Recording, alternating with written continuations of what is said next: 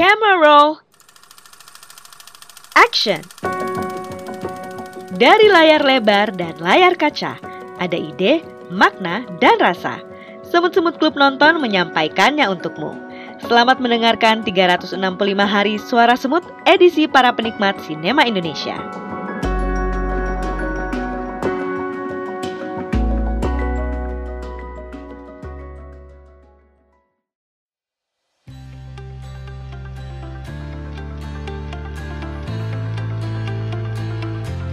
Halo gula-gula, waktunya kamu mendengarkan saya, Semut Asfalia Pramudia, membacakan sebuah ulasan film yang ditulis oleh Semut Riana dari klub nonton SMK. Gula-gula, apakah kamu sudah menonton film penyalin cahaya atau fotokopier? Kalau belum, setelah review ini kamu dengarkan, yuk langsung meluncur ke Netflix untuk menonton film peraih segudang penghargaan ini. Film Penyalin Cahaya rilis tahun 2021 lalu sebagai karya sutradara Uragas Banuteja. Film bergenre thriller drama ini diangkat dari kisah nyata kasus pelecehan seksual. Dalam Penyalin Cahaya, kita akan bertemu dengan Suryani, seorang mahasiswa baru dengan latar belakang keluarga yang sederhana dan penerima beasiswa di kampusnya. Tokoh utama yang diperankan oleh Shanina Cinnamon ini adalah anggota klub teater kampus bernama Matahari. Di kampus, Suryani sebagai mahasiswa jurusan komputer mendapat kepercayaan untuk mengelola website teater. Masalah mulai muncul ketika beredar foto Suryani di media sosial sedang mabuk setelah pesta perayaan kemenangan klub teater Matahari dalam festival teater mahasiswa. Foto-foto itu menjadi masalah besar dan pelik Suryani diberhentikan dari program beasiswa atas dasar perilaku tidak baik. Ia bingung karena orang tuanya hanya menjalankan usaha warteg untuk biaya hidup sehari-hari. Dari mana ia dapat uang kuliah yang bisa mencukupinya? Tidak cukup sampai di situ. Orang tua Suryani kecewa dan murka atas kelalaian anak perempuannya ini. Mereka pun mengusir Suryani dari rumah karena Suryani dianggap melanggar aturan dan mencoreng nama baik keluarga. Suryani, sebagai seorang perempuan pemberani, ia gigih dalam mengungkap kebenaran. Miris sekali melihat tidak adanya keberpihakan kepada Suryani. Sang korban kejadian tidak senonoh di luar kesadaran, kendali, dan kemauannya. Suryani terpaksa bertindak sendiri tanpa bantuan teman-temannya dari klub teater maupun dari pihak kampus. Dalam film, kita menyaksikan jatuh bangun segala usaha Suryani dalam memperbaiki nama baik dan mempertahankan beasiswanya. Ketegangan pun terjadi selama proses Suryani mencari pelaku penyebaran foto-foto dirinya. Akhirnya datang bantuan dari Amin, seorang tukang fotokopi dan penjaga warnet yang diperankan oleh Ciko Kurniawan. Selama proses pengejaran pelaku, Suryani pun tinggal di warnet Amin. Berbekal keterampilannya di urusan komputer dan dunia maya, Suryani memanfaatkan kemampuannya untuk mencari bukti-bukti dari orang yang terlibat dalam pesta pada malam itu.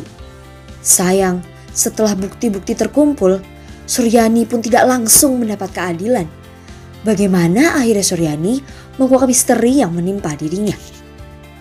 Meskipun termasuk genre thriller, film penyalin cahaya termasuk minim adegan sadis, misalnya adegan pembunuhan. Namun, kamu tetap bisa menikmati suasana menegangkan dan sensasi adegan yang memacu adrenalin.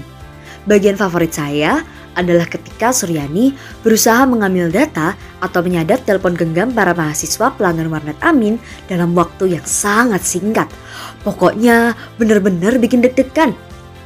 Tema pelecehan seksual di dunia maya yang diangkat film penyalin cahaya begitu relatable dan makin banyak terjadi di era bebas digital seperti saat ini. Tidak jarang kita hanya berpangku tangan dan menjadi penonton saja saat ada kasus mencuat. Betapa seorang korban pelecehan atau kekerasan seksual sering menerima perlakuan tidak adil. Bukannya dilindungi, mereka malah menerima intimidasi dan sederet anggapan, penghakiman, bahkan tudingan yang membuat luka dan trauma mereka semakin sulit pulih. Film ini juga menyelipkan simbol-simbol dari salah kaprah yang muncul di masyarakat. Misalnya, tuduhan bahwa kasus pelecehan seksual dipicu oleh tampilan seksi atau pakaian terbuka dari sang perempuan. Di sini, Suryani digambarkan mengenakan kebaya dan tidak mengundang.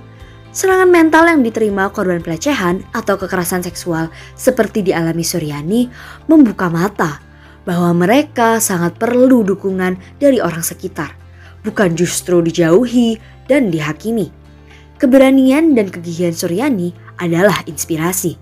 Ada dua sisi juga yang melingkupi pencapaian film Penyalin Cahaya. Film berdurasi 130 menit ini sukses memenangkan Piala Citra sebagai film cerita panjang terbaik Bragas Bandung Teja juga berhasil memenangkan sutradara terbaik dalam ajang Festival Film Indonesia tahun 2021. Sherina Sinamon pun meraih piala citra di film debutnya ini bersama lawan mainnya Ciko Kurniawan yang juga menjadi aktor utama terbaik. Total ada 12 piala citra dari aneka kategori yang dibawa pulang oleh penyalin cahaya. Sayang, ada pula kontroversi kasus pelecehan seksual yang dilakukan oleh salah satu kru film. Kasus ini sempat mengguncang dan menuai kritik di mana-mana. Akhirnya, oknum kru tersebut dicoret namanya dari kredit film. Sebuah pernyataan tegas, tiada ampun bagi perilaku kriminal. Gula-gula, saya berharap dengan film Penyalin Cahaya, semoga lebih banyak korban kekerasan seksual di luar sana yang mendapatkan perlakuan lebih baik dan keberpihakan lebih adil. Dukungan dan kepedulian kita ini sangat penting demi perjalanan korban pulih menuju hidup yang lebih baik.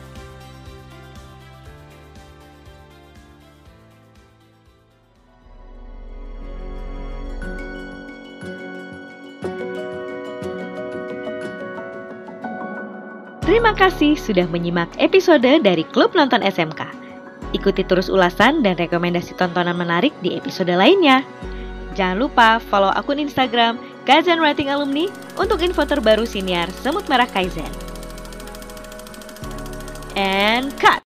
It's a wrap!